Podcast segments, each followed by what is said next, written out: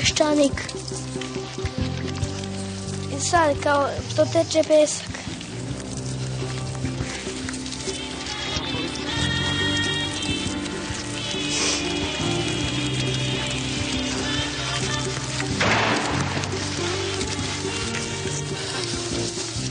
Živet ćemo, radit ćeš ko rob. Bićemo robovi. Nije to hak, to smo mi. Peščanik.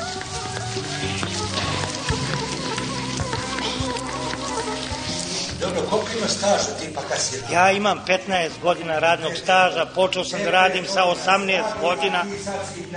A, ma, nisam se ja naradio, ja hoću i dalje da radim, ali mi ne dozvoljavaju da ne dozvoljavaju mi da radim. Pazi, mi pričamo o radu, ali nemamo šta da radimo. Ajde da postavimo pitanje šta da radimo. Ja sam šest sati puta do Banja Luke gledala u pod od autobusa. Nisam više mogla da podnesem da gledam srušenu, spaljenu, izrešetanu. Srušenu, spaljenu, izrešetanu. Peščanik. Možda Đinđić to hoće šta je. Trči, skači, plivaj. Slušajte emisiju Bože, on hoće da mi rintamo od jutra do sutra. Je on glup? Ovde je moja zemlja koju da napustim nikad neću. Znači u ovom referendumu, kad smo mi trebali da odlučimo da će dođe Felipe Gonzalez i još dva neka pedera španca, 5 miliona 300 hiljada ljudi je došlo da kaže ko vas jebe. Gde je nestalo tih 5 miliona 300 hiljada ljudi danas? 5 miliona vratno ušlo u DSS i zaboravilo automatski da ikada pripadao bilo čemu nego Koštunici. pošto ja izuzetno cenim gospodina Đelića, Sušćak veliki radi za nas danonoćno, gospodin Lavus, Pitić, Vlahović, Matković, kao ova fina žena, lepa žena, lepo rade. E, ako vidim da su oni rekli da su spakovali kufere, onda znači da sad za dugo vreme smo pali opet neki ambis. Vidjet ćemo koji. S ljubavlju i mučninom. Tako mislim u Srbiji, s ljubavlju i mučninom.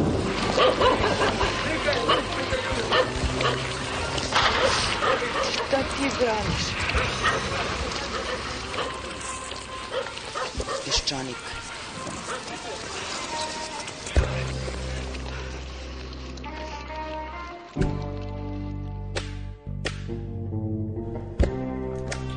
Nema ko ovih dana nije stao u red da predsjedniku Kuštonici lupi čvrgu.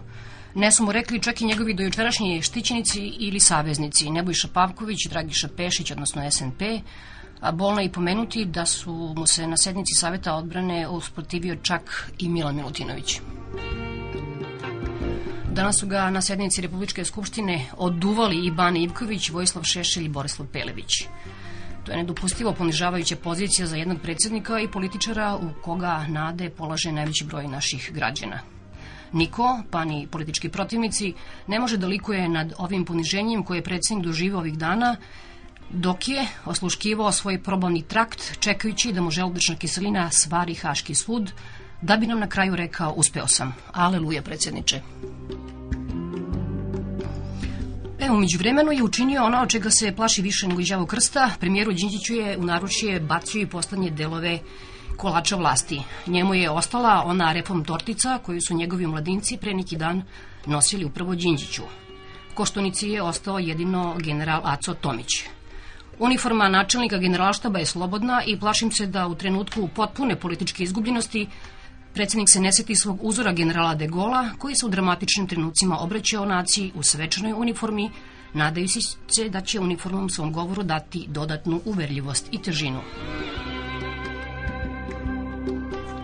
Predsednik je možda i zbog toga što je, ne zna se tačno na osnovu čega, poverovao da dani viteštva i čednosti u politici nisu prošli i sebi i nas želo da prilagodi svom životnom i političkom ritmu. A to je izgleda ritam usklađen sa Srbicom, koju kao žele da nam napravi, zemljicom koja će živeti u skladu sa smenom godišnjih doba i poljskih radova, oranja, drljanja, setve i žetve. A Đinđić je dobio ono što je hteo i na čemu je tako vredno radio svih ovih meseci, ostaje sam na vrhu piramide moći. Svi ministri u obe vlade su ga ovih dana podržali, ali po pitanju Haga, pa naravno i Rasim Ljajić. Međutim, Rasim Ljajić je, da vas podsjetim, ovom pazaru na skupštini svoje stranke rekao i sledeće. Generalno podržavamo vladu, ali to ne znači da podržavamo DES u, ko, u onome što radi. Nismo za to da stranka sa 15 do 20% podrške ima 85 od 100 vlasti. Ko radi kao jul i proći će kao jul.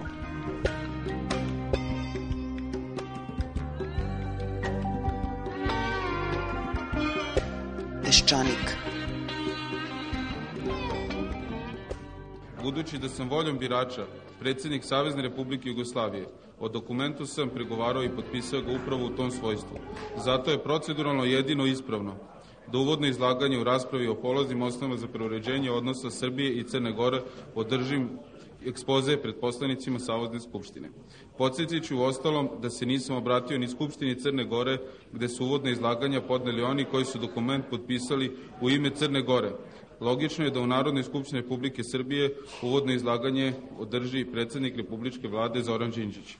Voljan sam, međutim, pre svega iz poštovanja prema narodnim predstavnicima Republike Srbije, da se na kraju rasprave u Narodnoj skupštini Republike Srbije obratim poslanicima, nastojeći da odgovorim na njihove eventualne kritike i da otklonim nedeumice koje bi se možda mogle ispoljiti kroz raspravu. S uvažavanjem, predsjednik Savezne Republike Jugoslavije Vojislav Koštunica.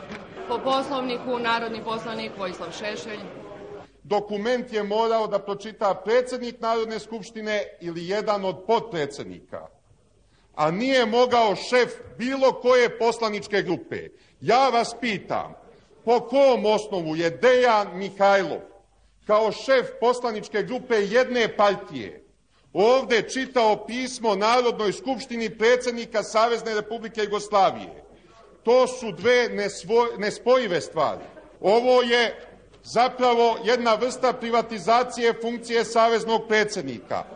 Dozvolite mi da vam iznesem stav poslaničke grupe stranke Srpskog jedinstva. Ja smatram da je dužnost predsjednika Koštunice da iznese uvodno izlaganje zajedno sa predsjednikom vlade, jer su obojica saučesnici u stvaranju ove nakaradne zajedničke države koju su nazvali Srbija i Crna Gora. I zato ovo pismo, koje je malo posjeća na Titovo pismo, ne možemo kao poslanička grupa stranke Srpskoj jedinstva da prihvatimo. Narodni poslanik Čedomir Jovanović. Mislim da se ne može dopustiti nikome da na kraju zasedanja izađe pred poslanike i tako degradira ne nas kao predstavnike građana Srbije, već Republički parlament i sve ono što on predstavlja u ovom društvu. Narodni poslanik Branislav Ilković. Najmanje što treba da uradi prema srpskom narodu je da dođe u ovaj parlament danas ovde nama izloži svoje stavove i motive koji su ga vodili i da nas sasluša do kraja šta mi ovde prisutni mislimo o svemu tome. Ovo što on želi da govori na kraju i ne slušajući nas, najmanje rečeno, e, na granici sa osnovnim elementima ponašanja. To nije korektno. Hvala. Poštovana predsedavajući, prvo poziv ste uputili vi i vi treba da kažete da taj poziv više ne važi. Vi hoćete da prekrojite izbornu volju građana, da ne dozvolite onome koga su građani birali na to mesto da zabranite da govori u ovom parlamentu.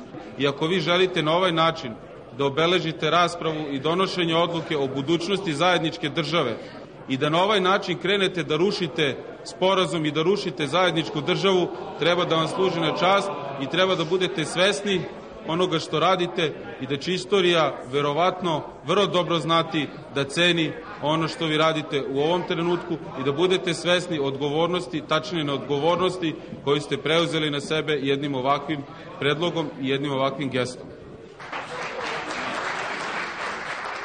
Predsednik e, Savezne države je pozvan on ne želi da učestvuje znači u raspravi, želi da se pojavi samo da da završnu reč, to nije učestvovanje u raspravi ako se razumemo u parlamentarizam. Predlog e, gospodina Čedomira Jovanovića glasi znači da se izjasnimo da li Narodna skupština želi da se predsednik Savezne države obrati na kraju u završnoj reči. Konstatujem da je Narodna skupština usvojila ovaj predlog. Nije prihvatila, izvinjavam se. Narodni poslanik Branislav Ivković. Pošto smo razrešili problem sa predsjednikom Savjezne Republike Jugoslavije koji je procenio da danas ne treba bude ovde sa nama i sa građanima Srbije, mislim da bi bilo dobro da upitamo predsjednicu Skupštine po članu 83 poslovnika zašto među drugim licima nije pozvala predsjednika Republike Srbije, koji i dan danas postoji, valjda ne služi samo za to da bude izručen Haškom tribunalu. On je i dalje predsjednik Republike Srbije i nijedan zakon koji je donela ova Skupština ne bi mogao biti objavljen u službenom glasniku Republike Srbije da ga on nije potpisao. Ali njegovog potpisa nema na sporazumu i zato ga nismo. Prelazimo na treću tačku dnevnog reda.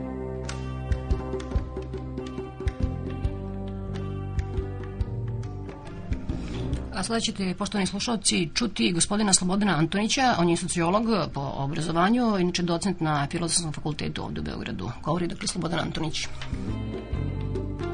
Ja nikad nisam bio pristalica nekakve teorije zavere, ali u ovom trenutku mi se čini da iza ove situacije postoji duboki predumišljaj. Meni se čini da je ova situacija prosto toliko tipična da pokazuje jedan sistem, a taj sistem se svodi na derogiranje svakog zakona i svakog ustava. Meni se čini znači da ta priča o tome da je mnogo važnije u ovom trenutku da se neka stvar obavi nego da se poštuje ustav i zakon, da je to prosto stalno se ponavlja i to ne može biti slučajno. Meni se čini da se to namerno radi da bi se prosto stvorio nekakav utisak u javnosti da zakoni nisu nešto što eto, moramo da poštujemo i što treba da poštujemo, i da je najvažnije celishodnost, odnosno da li sad neka mera postiže neki cilj. Sad nije važno, sad u ovom trenutku to su reforme, predno 10 godina to su bili nekakvi nacionalni ciljevi, dakle uvek ima neki, neki cilj i uvek vlast ume tog cilja zapravo krši zakone.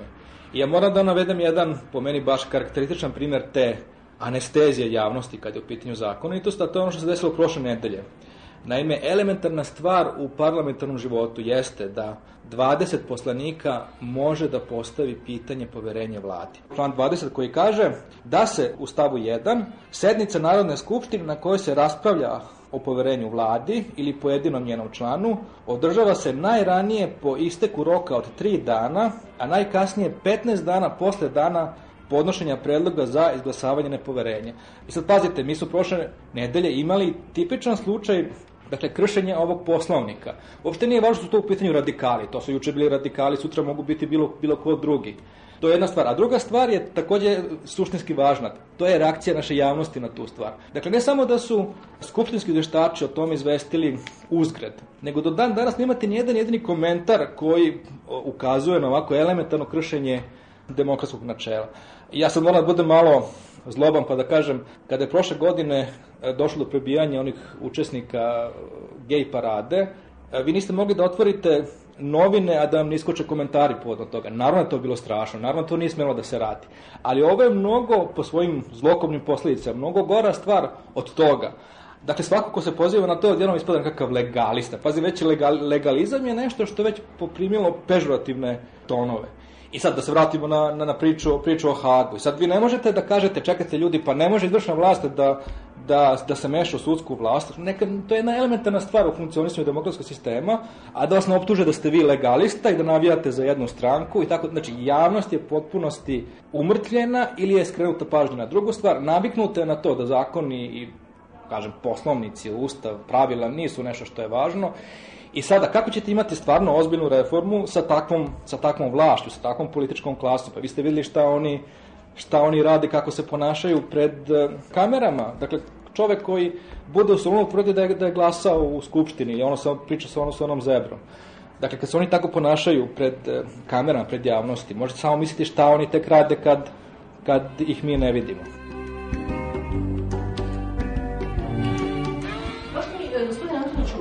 Pa šta da vam kažem, Viktorija, ja se bojim da će sad ovoliko ove naše rasprave, da ćete to morati mnogo, mnogo da sažimate i da će izaći nešto od onoga što, što sam ja, ja mislio da je jako važno da, da kažem.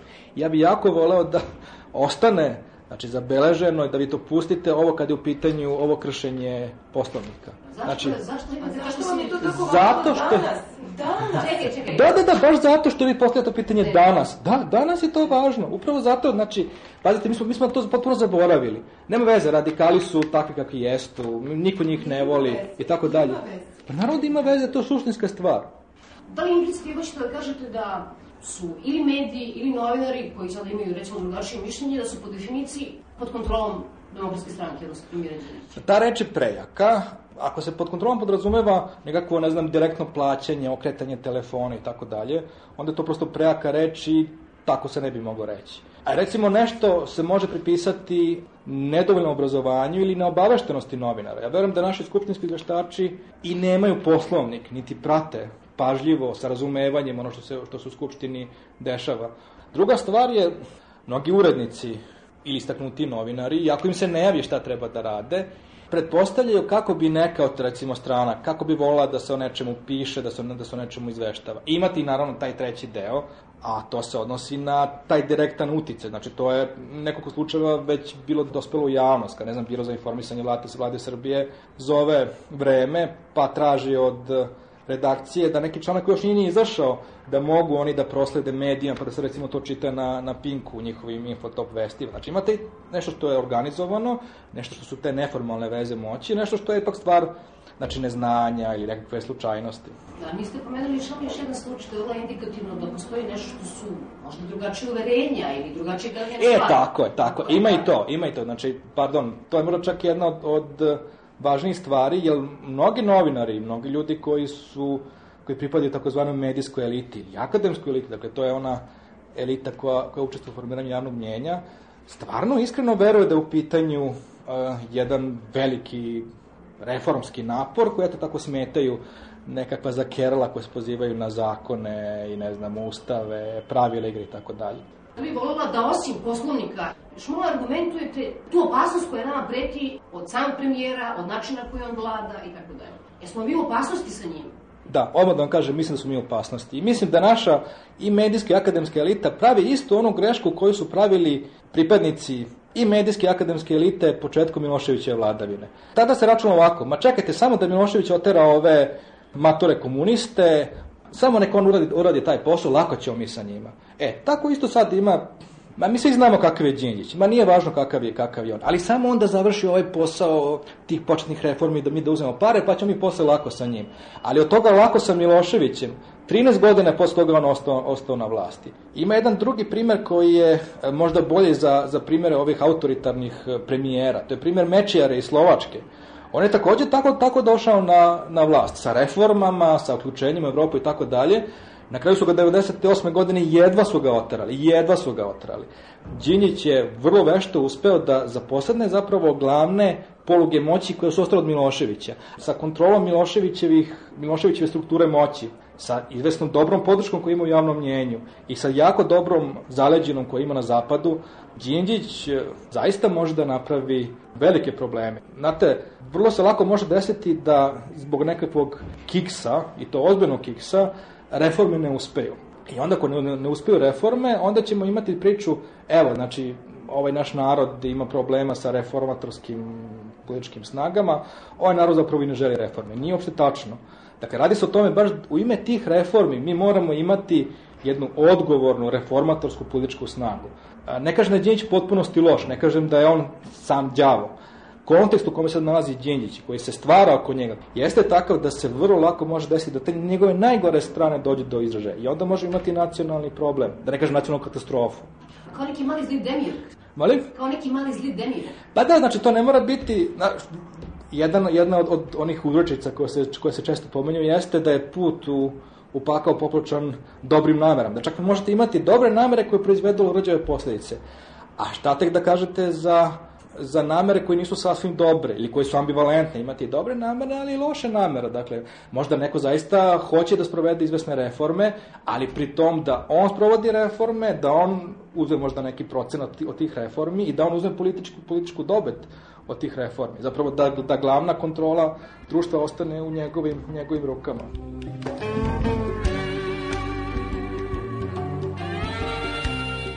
Kad je u pitanju predsednik Koštunica, Imate li šta njemu da zamerite? Uh, da, meni se čini da jedna i druga struja prosto kod onih drugih pojačavaju te negativne osobine.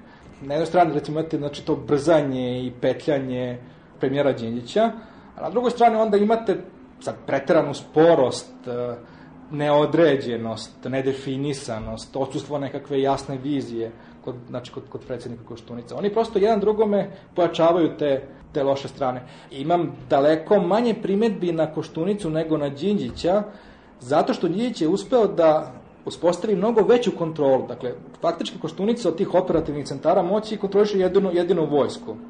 Đinđić kontroliše mnogo više centara moći, od finansijskih preko medijskih, do naravno operativno policijskih centara moći. Dakle, ovaj, ovaj u mnogo većim iskušenjima i naravno zato pravi mnogo veće, veće greške, pa zato i ljudi koji o tome govore onda prirodno ukazuju na, mnogo više ukazuju na njegove greške nego na greške ovog, ovog čoveka koji kontroliše samo manji deo, manji deo vlasti.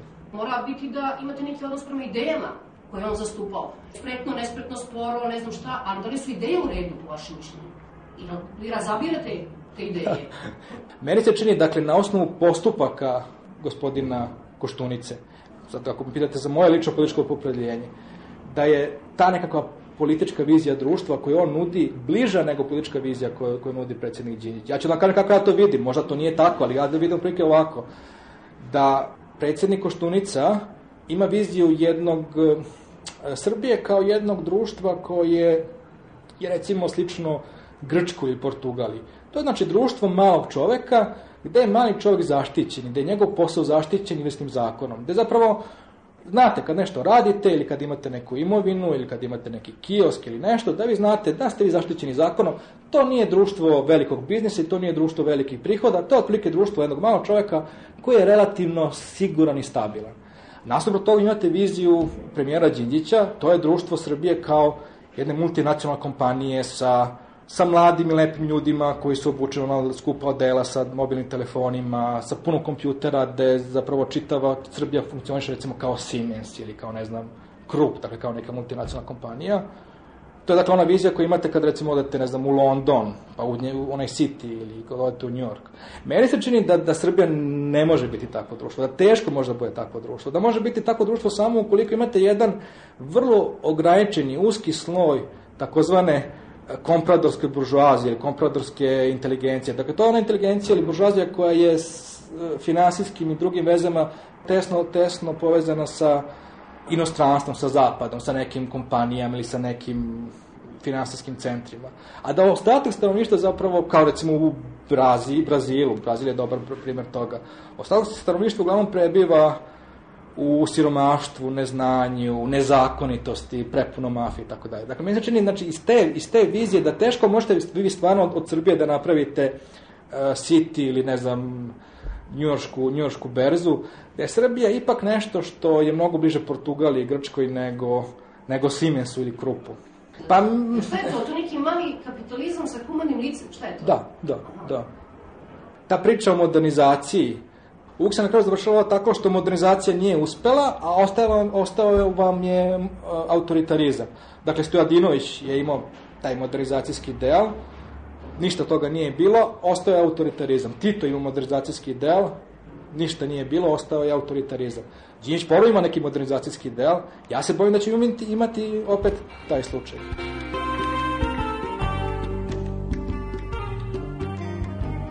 Peščanik.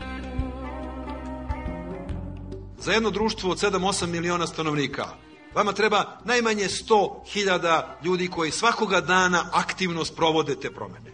Da ih je samo hiljadu, ja bih bio srećan. Jer sutra će meni neko iz Svetske banke da kaže, izvinite gospodine Đeniću, vi tražite investicije, tražite finansijsku inekciju, pa uzmite tih 7 milijardi koje ste promenili lepo uh, u eure, i ako vaši građani nemaju poverenja u vas, zašto bih ja iz Vašingtona imao poverenje u vas? Ja vas ne poznajem, vaši građani vas poznaju. Doviđenja.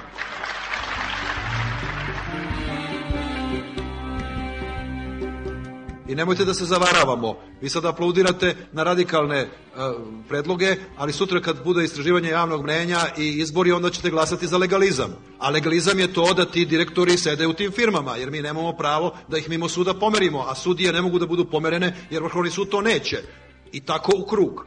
I sada ja se ne čudim što se to tako dešava. Ja se čudim da mi uopšte napredujemo u sav taj balas koji nosimo na leđima i u sve te optužbe da kršimo zakon svakoga dana, zato što smo ovoga poslali u Hag, zato što neke druge ćemo poslati u Hag, da, da vršimo državni udar, da radimo ovo i radimo ono. A da sam se ja pitao u pravom smislu te reči i da sam ja imao 5. marta podršku od 60% ljudi, drugačije bi Srbija danas izgledala. Ali ja sam 5. oktobra, ne marta, imao 3-4% podrške. Ako ste gledali istraživanja javnog mnenja posle toga za šta je narod, to što sam ja zastupao, to je tada zastupalo 4% ljudi. Danas je to 4 ili 5 puta više, ali to je danas. Sad je kasno. Šta da radimo? Neke stvari ljudi malo kasnije shvate nego što treba, ali bolje ikad nego nikad. I mislim da većina naših ljudi danas počinje da shvata da ne možemo da pravimo kompromise, da smo izgubili toliko vremena, da ne možemo da spavamo, da ne mogu puževi da nama diktiraju tempo, mi moramo da se krećemo brzo jer smo deset godina izgubili. I pre toga još nekoliko desetina godina. I svi oni koji kažu to mi je brzo, mislim da nemaju pravo da, da izigravaju lokomotivu, neka budu u zadnjem vagonu ili u vagon restoranu, neka se klackaju i da, neka puste da ih mi nosimo. Ja sam bio pre mesec dana u vladi i došao jedan čovek, socijalni slučaj, ima troje dece iz Beograda i kaže ja hoću kod premijera, ja nemam šta da jedem, nemam čime da nahranim decu, ja sam rekao neka dođe. I on je došao i ispričao mi je taj svoj tragični slučaj. I on se ja pozvao predsednika izvršnog odbora Beograda. On je rekao neka dođe odmah sada, u gradskom zelenilu može da dobije posao 200 maraka ima mesečno, ne trebaju kvalifikacije, samo da ustaje u 5 ujutru ili 4 5 kad se ustaje.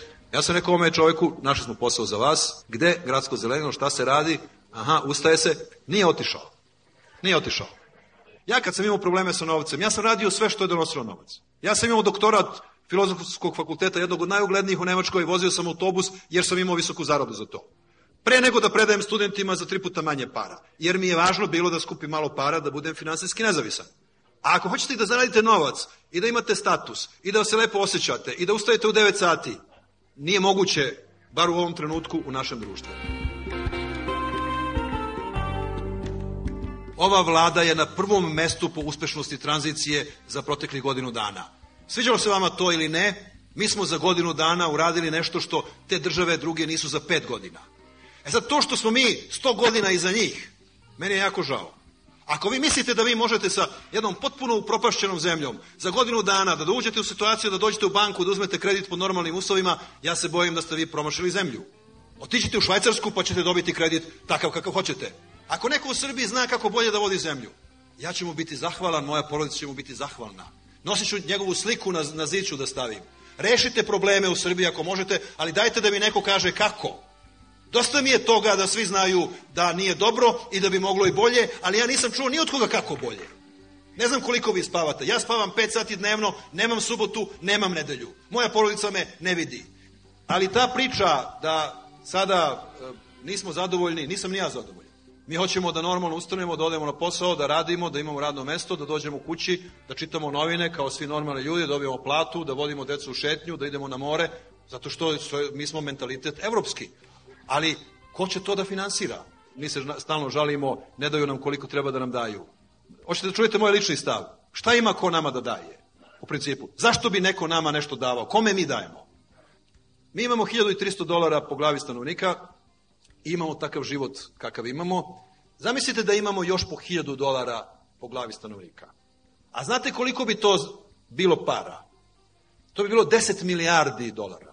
Znači da, da nama neko da sada 10 milijardi dolara i da to podelimo na 10 miliona ljudi po 1000 dolara, mi bi imali samo 2500 dolara i bili bi jedna vrlo siromašna zemlja.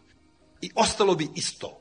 Nije stvar u tome da nam neko da, stvar je u tome da mi stvorimo sistem koji, koji pravi novac, da stvorimo zdravu ekonomiju koja će da stvara. To što vam neko daje kao kiša u pustinji koja padne, upije pesak i toga nema.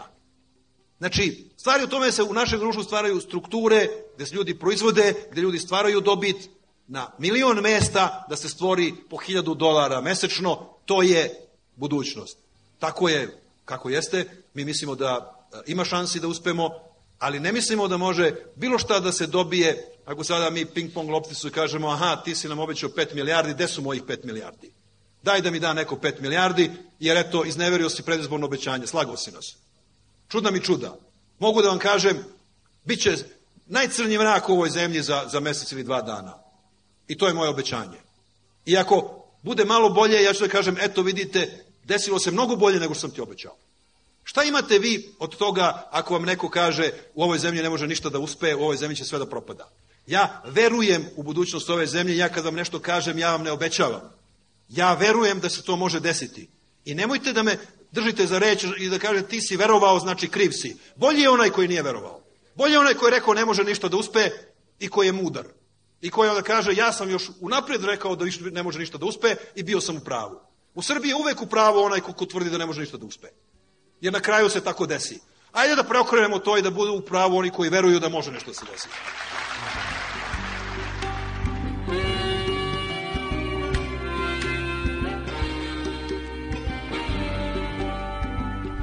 Ovako je zborio predsjednik vlade eh, gospodin Đinđić eh, u Pirotu, to je govorio Piroćancima, a, to je deo on, njegove turneje Srbija na dobrom putu, gde od ljudi traži razumevanje, odricanje, u velikoj meri i promenu mentaliteta. Ima jedna stvar koja, jedna sintagma koja je vrlo često upotrebi u poslednje vreme, zvuči dosadno, ali ozbiljne stvari su u pitanju, to je taj socijalni dijalog. Pre neki dan je u pres klubu Medija centra razgovarano o tome, govorili su između ostalih a, profesora Fakulteta političkih nauka Zoran Stojilković a, i profesora Filosofskog fakulteta Mladen Lazić. Vlada priča o socijalnom dijalogu. Umeđu vremenu širi manevarski prostor time što pre nego što dođe do ravnopravnog dijaloga donosi sve zakone, znači da odradi sve što može da stvori onakvo zakonodavstvo ili okvire koji njoj odgovaraju. Mislim, svi vi koji ste platili štrajkove, znate kako stvar ide. Ide tako što stvar traje 7 do 10 dana ako su zaposleni uporni, a vlada ima četiri linije odbrane. Prva linija odbrane su resorni ministri koji vas primaju onako. S vama razgovaraju nekoliko dana i nisu praktično ovlašćeni da završe stvar. Druga linija odbrane je recimo Ministarstvo rada i Ministarstvo za socijalnu politiku, da bi se onda pojavila treća bitna, gde se pojavlja ili ministar privrede ili, ministar financija ili neko iz ministarstva za financije i na kraju kad treba efektuirati neki dogovor i priča o tome da je nekakav kompromis ovaj, postignut, onda se pojavlja i premijer Đinđić. Znači, poruka je jasna i to su zaposleni shvatili. Ne gubite vreme sa svojim restornim ministrima i ovom drugom linijom odbrane, razgovarajte samo ako je tu ministarstvo financija i ono pruža nekakve garancije da je to moguće, jer priča o centralizaciji sredstva jednoj kasi koju drži Đelić ili ne znam ko je dovoljno svešćujuće da shvatite u kakvim razgovorima i u kom okviru morate razgovarati. Prema tome, mislim da mi od zaposlenih i od sindikata možemo očekivati da igraju ne ulogu demagoga, socijalnih i kočničara reforme, nego snage u prilog promenama pod pretpostavkom da se ispune tri uslova. Jedan uslov je da zaposleni imaju osjećaj da vlada kompetentna, i da se bavi pravim pitanjima, što bih ja mogao da kažem tek za deo vlade. Mali ovaj koji zovemo ekspertski, Druga stvar je da ta vlast, da je mnogo manje korumpirana, da se bolji, bori sa korupcijom za razliku od prethodne, jer onda imate osjećaj da ste svi na nekakvom brodu i da se nešto kreće u pravom pravcu i naravno treći dopunski da su efekti krize relativno socijalno pravično raspoređeni. Znate, radnici će vam pristati da i ostanu trenutno bez posla, ako će na koloni koji gube, u koloni koja gubi posao trenutno biti prvi neuspešni, da kažem, socijalistički menadžeri ili gubernatori svake od vlasti, a i ova vlast postavlja u preduzećima svoje ljude, deli plen, a ne polazi od kompetentnosti. Ono što je problem sa političkim elitama, to je e, što se one, nažalost, sve više i više usmeravaju prema onom što analitičari elita zovu takozvane podeljene elite. Podeljene elite su one elite kojima je apsolutno prvi princip borba za vlast, a najbolji rezultat borbe za vlast ako je protivnik uništen to jest ako nema protivnika. I reforme su u stvari, to je ono što je najopasnije. Reforme su sada instrumentalne. Koriste se zato da bi se porazio protivnik, odnosno različita koncepcija reforme, ne zato da bi se izvela reforma, nego da bi se sa jednom ili drugom koncepcijom reforme porazio politički protivnik. I u takvoj situaciji mi imamo jednu smešnu podelu, ja ih tako zovem, s jedne strane imamo neprincipijalne pragmatičare, prepoznaćete o kom se radi, principi nisu važni, važno je da mi ostvarimo napredak u reformama, ali osnovni cilj te pragmatičnosti nije da se zaista postigne reforma, nego pragmatično je ako se opet porazi protivnik. Sa druge strane su isto tako prividni principijalni nerealisti, opet znate o kome se radi, oni navodno nije važno realitet, važniji su principi, ali šta je opet osnovni princip koji oni slede, opet održavanje političke vlasti i tako da. U takvoj situaciji imamo s druge strane ekonomske elite koje su u stvari politički zatočenici, stranaka na vlasti, jer ih ove postavljaju i skidaju. A isto to zbog dominacije države važi i za privatni sektor. Naši su i privatni poslodavci su zatočenici politike, kao što su bili u ranijem sistemu, dominantno. Tako da i oni se u stvari prestrojavaju prema političkim potrebama. Kad je reč o sindikatima, tu je isto ozbiljan problem. Mi imamo sindikate koji su i dalje sumnjive legitimnosti, stari sindikat koji se nije delegitimisao u odnosu na ranije svoj političku bliskost. Vladajućoj stranci, novi, novi sindikati, ne jedan, nego masa novih sindikata koji su u stvari toliko razjedinjeni, atomizovani da je potpuno nejasno koga predstavljaju. Ja, ja ne, ne znam još uvek da li je priča o 20 sindikata u jatu štamparska greška ili realnost. To nisu sindikati, to su uske interesne grupe koje su međusobno konfliktno orijentisane. S druge strane, stanovništvo je takođe članstvo dezorijentisano zbog ovih političkih sukoba koji odlače energiju svih, pa i stanovništva. I treće, postoji ta užasna zbrka u svesti većina ljudi još uvek nije, nije raščistila u svojoj svesti, oni su još uvek samoupravno orijentisani. Imate fantastične recidive samoupravne svesti, u smislu naša preduzeća, ne damo našu imovinu, jako ta preduzeća nikad nisu bila njihova. I sad, situacija je pogodna, izrazito pogodna za demagoške manipulacije. Međutim, demagoga nema jel? na sceni ozbiljnih to je situacija koja je dosta dobra za, još uvek za trenutnu političku elitu, ali je vrlo opasna dugoročno, jer nikad ne znamo odakle može izroniti uspešan demagog i manipulator. Ono što bi bilo brana svemu tome, to je javna odgovornost, koje nema ni unutar političke elite, ni unutar bilo kojih grupa, nema unutar e, novinarstva, krajnje neodgovorno novinarstvo i nažalost takođe među intelektualcima. Problem je u tome što su nezavisni intelektualci potpuno brojčano marginalizovani s obzirom da je velika grupa intelektualaca i suviše tesno sarađivala sa DOS-om u Miloševićevskim vremenima da bi sad moglo da se postavi nezavisno. Oni su, dobar deo njih je u aranžmanima sa vlašću.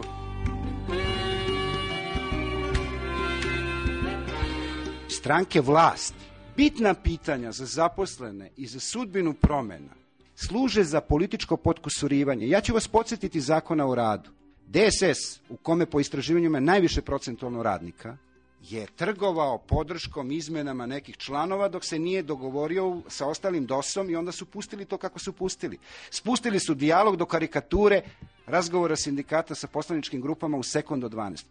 DOS kao koalicija počeo da trguje položajima od, samo, od samog početka. Dakle, ta trgovina koja je e, na početku uspostavljena je vodila onda toj logici sve e, oštrih i oštrih sukoba koja ne mora nužno da se završi ovim uspostavljanjem tog rata svih protiv sviju, ali je na dobrom putu da to bude. A kao primer, šta mislim, po tim evo uzmimo ovo što trenutno sad sve najviše zanima, to je o isporuka osumnjičenih u Hag mislim, niko sa zdravim razumom, ja bar mislim, ne može da prihvati činjenicu da je vlada mogla Srbije da isporuči Miloševića lako, relativno lako, uz sve rizike koji su to bili, a da sad ne može da isporuči nekog beznačajnog za koji nikog ne zanima. Dakle, sad se, kriza se namjerno proizvodi. Kriza koja je užasno po tome kako se proizvodi postaje sve opasnije i opasnija. Dakle, Šajnović postaje opasniji nego Milošević zbog krize koja se proizvodi zato da bi se druga strana ili prva strana prikazala kao neprijatelj reformi, kao neka ugrožava reformu koja može sve da dovede u pitanje i tako dalje i tako dalje. Dakle, nešto što je moglo da bude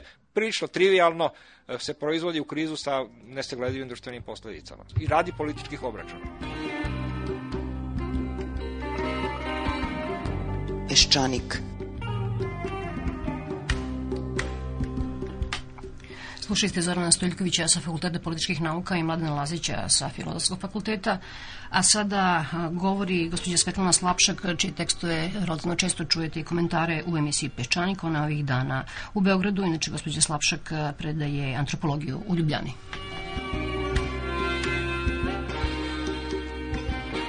Došla sam u Beograd iz Skopja i to preko Kosova.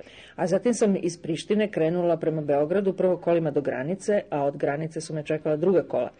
Međutim, na granici me nisu pustili, jer kako sam ušla u Jugoslaviju sa one strane gde se Jugoslavija ne priznaje, dakle niko ne udara pečat u moju slovenačku vizu, ja sam se zapravo našla ilegalno na teritoriji Srbije, koju kontro, na gornjoj, severnoj granici Kosova koju kontroliše vojska koja nema pravo da udara pečate, niti ih uopšte ima.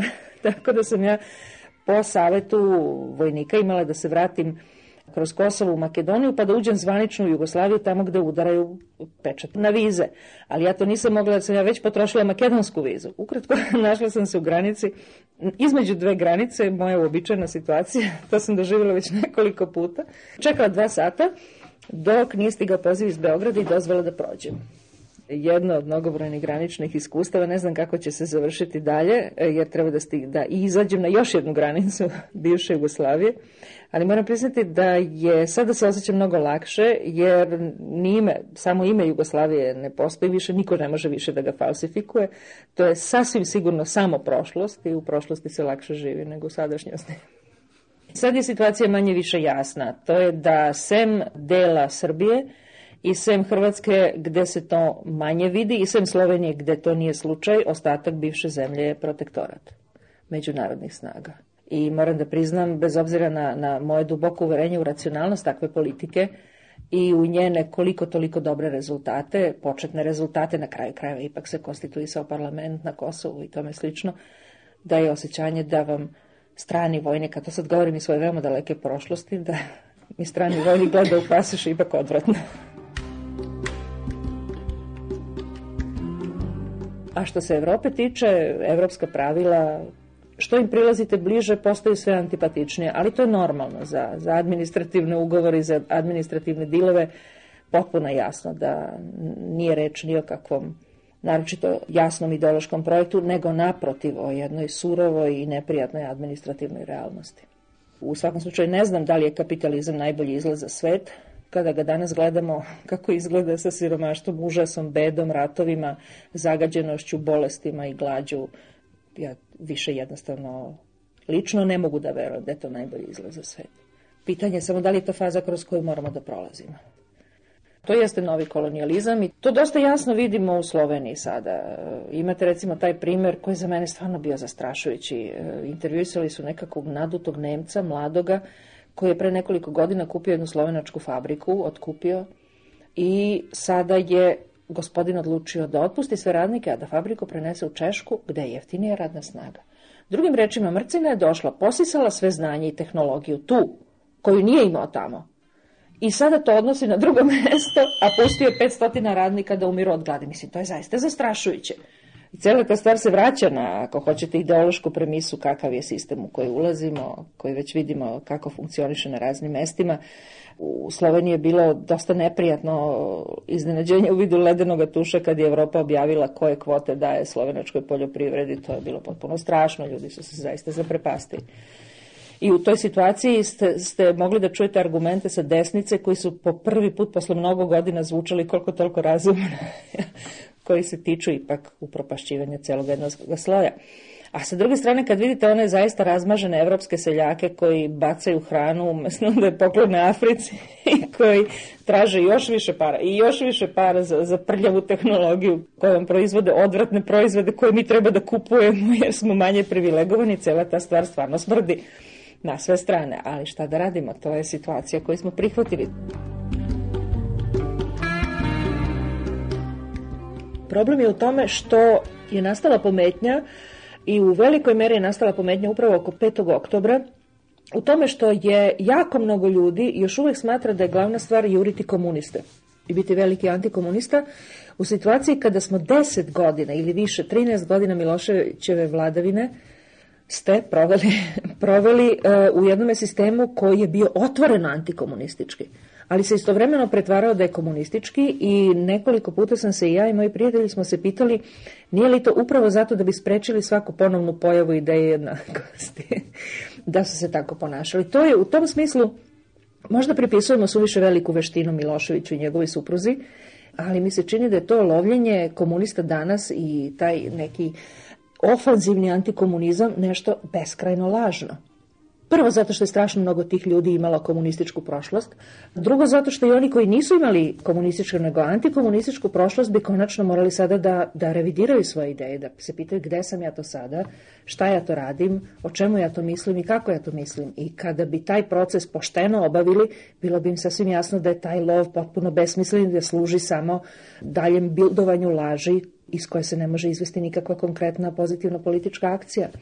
U normalnoj politici levica mora da postoji. Ukoliko nemamo koronove kako koje imaju zapadnjaci koji su danas antiglobalisti u recimo trećoj, četvrtoj generaciji ljudi koji su, to, koji su se u tome izveštili, onda to treba da izmislimo jer na političkoj sceni mora postojati neka vrsta ravnoteže, neka vrsta dijaloga, neka vrsta konflikta, pozitivnog konflikta koji će se rešavati na izborima i van njih. I u tome smislu izmišljanja, ako hoćete, nove levice je nešto što je prosto zadatak onih ljudi koji mogu da i umeju da misle. I oni koji to odbijaju su ne samo neodgovorni, nego zapravo, ja bih ih proglasila paradoksalno kukavicama koji suviše čuvaju i suviše vole svoj dragoceni položaj antikomunista da bi ga napustili za neprohodnu džunglu, nejasnoću i neutabane puteve koji nas sada čekaju. Jedan put smo u prošlom veku imali beskrvnu revoluciju 68. Ne vidim zašto se taj intelektualni potencijal ne bi probudio i danas.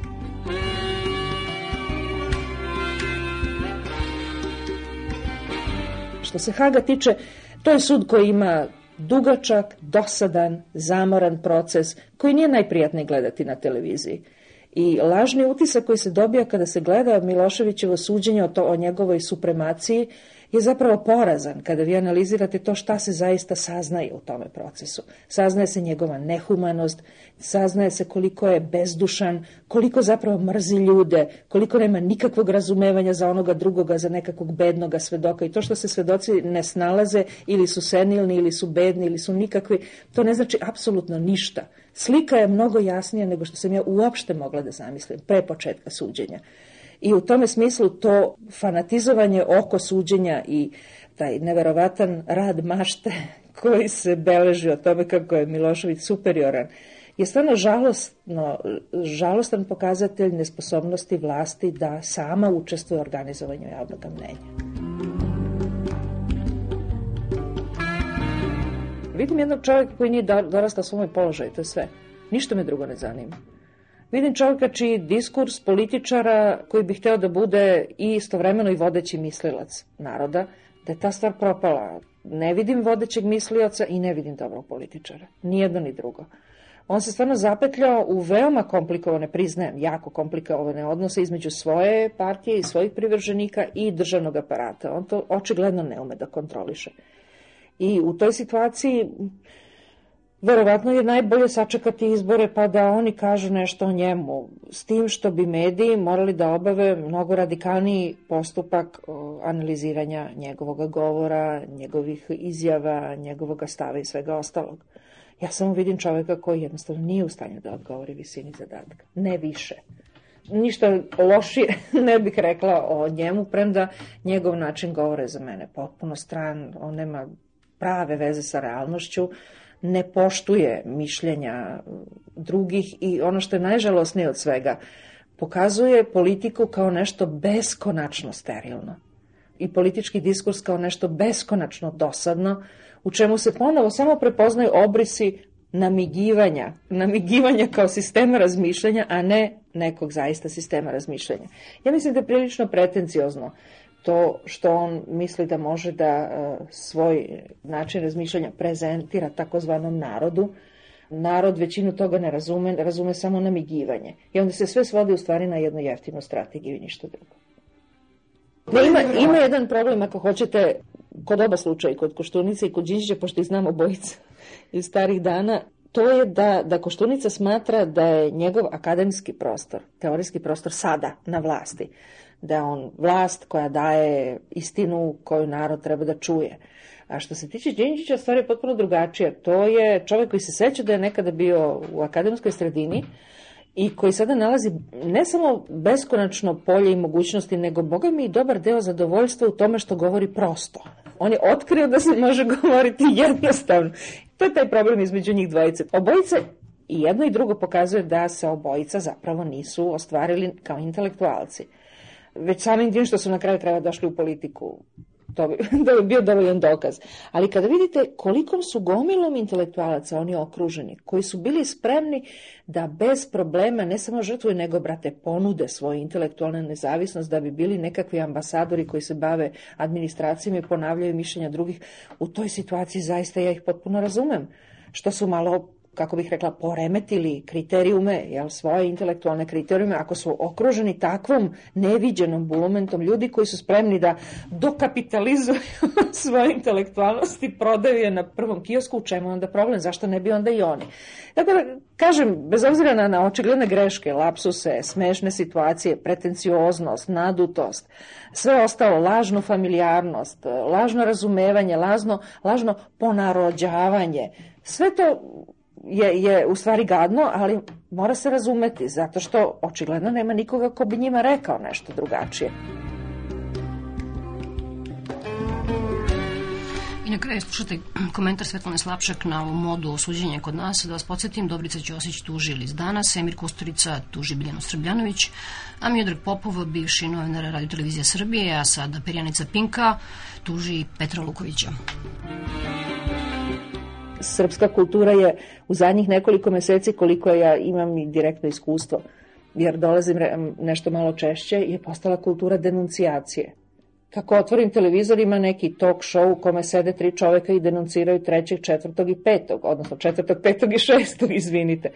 To je potpuno neverovatno. Svi su u lovu na nekoga. I sa nečijom glavom dolaze da dobiju nagradu. I u toj situaciji zaista jako teško očekivati od uh, dva vodeća čoveka da se ponašaju mnogo drugačije. Na kraju krajeva oni u velikoj meri u demokratskom društvu zavise od raspoloženja ostalih. Jospin u Francuskoj nije došao na vlast samo zato što je dobar, nego i zato što je, što je deo jednog dijaloga, jedne određene kulture, jednog razumevanja i komuniciranja koje ga je dovelo na vlast i suprotstavilo ga onom klovnu širaku. Jel? Tako da u tom smislu ne bih samo njima bacila odgovornost u lice, nego i okruženju koje ih pravi takvima kakva i u celokupnoj kulturi u kojoj je zaista denuncijacija osnovni način komunikacije u ovoj trenutku. To je, nažalost, je to posledica kulture u kojoj denuncijacija, u kojoj se svi sećaju 13 godina u kojima su se denuncijacije dobro plaćale i očigledno hoće da obnove proces na jednom drugom, malo jasnijem nivou, kao nije baš ona denuncijacija pa da se plati, plati krišom, nego ajmo mi to javno. To su ljudi koji imaju, kako bi se reklo narodski, imaju brate butera na glavi opet je pitanje kolektivnog sećanja. To su ljudi koji moraju da izbrišu određene stranice iz svoje prošlosti i da se sada prosto da nastave da funkcionišu. I mogu da nastave da funkcionišu samo ako radikalno prekinu i za to budu plaćeni. I u ovom društvu je očigledno došlo do, do nekog psihološkog stereotipa da ako dobiješ pare, da te to opravdava. Da imati pare je dobro. na vrlo jednostavnom nivou.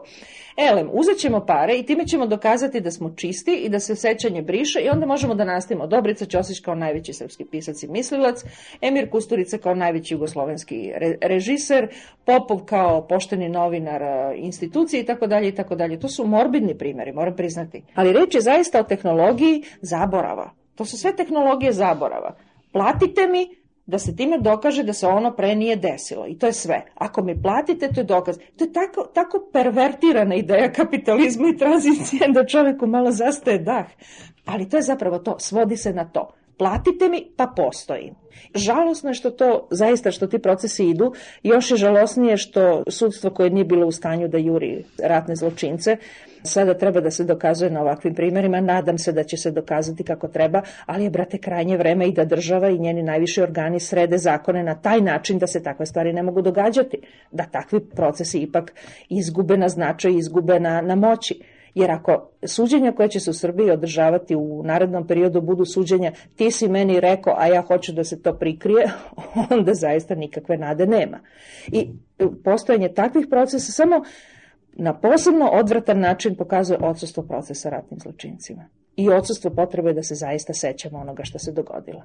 E, ali opet u, u centru celog tog problema su mediji, pisanje i intelektualci koji ne rade svoj posao. Bilo je emisija Peščanik, montaža Boža Podunavac, realizacija Ratko Ristić. A vama se na pažnji zahvaljujem ako ste nas slušali. Svetlana Vuković i Svetlana Lukić. Prijetno.